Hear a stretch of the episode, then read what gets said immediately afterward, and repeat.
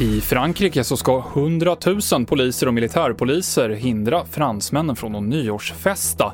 Det gäller utegångsförbud mellan 8 på kvällen och 6 på morgonen. Det brukar även brännas bilar i utsatta områden i Frankrike på nyårsnatten. Förra året brann nästan 1500 bilar och det här försöker man också nu stoppa i natt.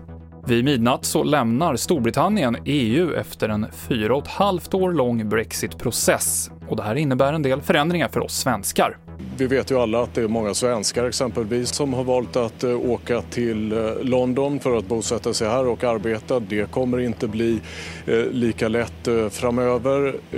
Det är ju också så att i och med de här förändringarna kommer det att krävas visum för längre vistelser i Storbritannien. Det sa vår reporter i London, Thomas Kvarnkullen. Och vid nyår så är det en del nya lagar som träder i kraft i Sverige. När inte ungdomsvård anses räcka så kan unga brottslingar förbjudas att lämna bostaden på helgkvällar och nätter eller att vistas i ett visst område. Det här kommer kontrolleras med fotboja. Och obetalda p-böter på mer än 5 000 kronor kan leda till körförbud. Det här ska stoppa användandet av så kallade bilmålvakter. TV4-nyheterna med Mikael Klintevall.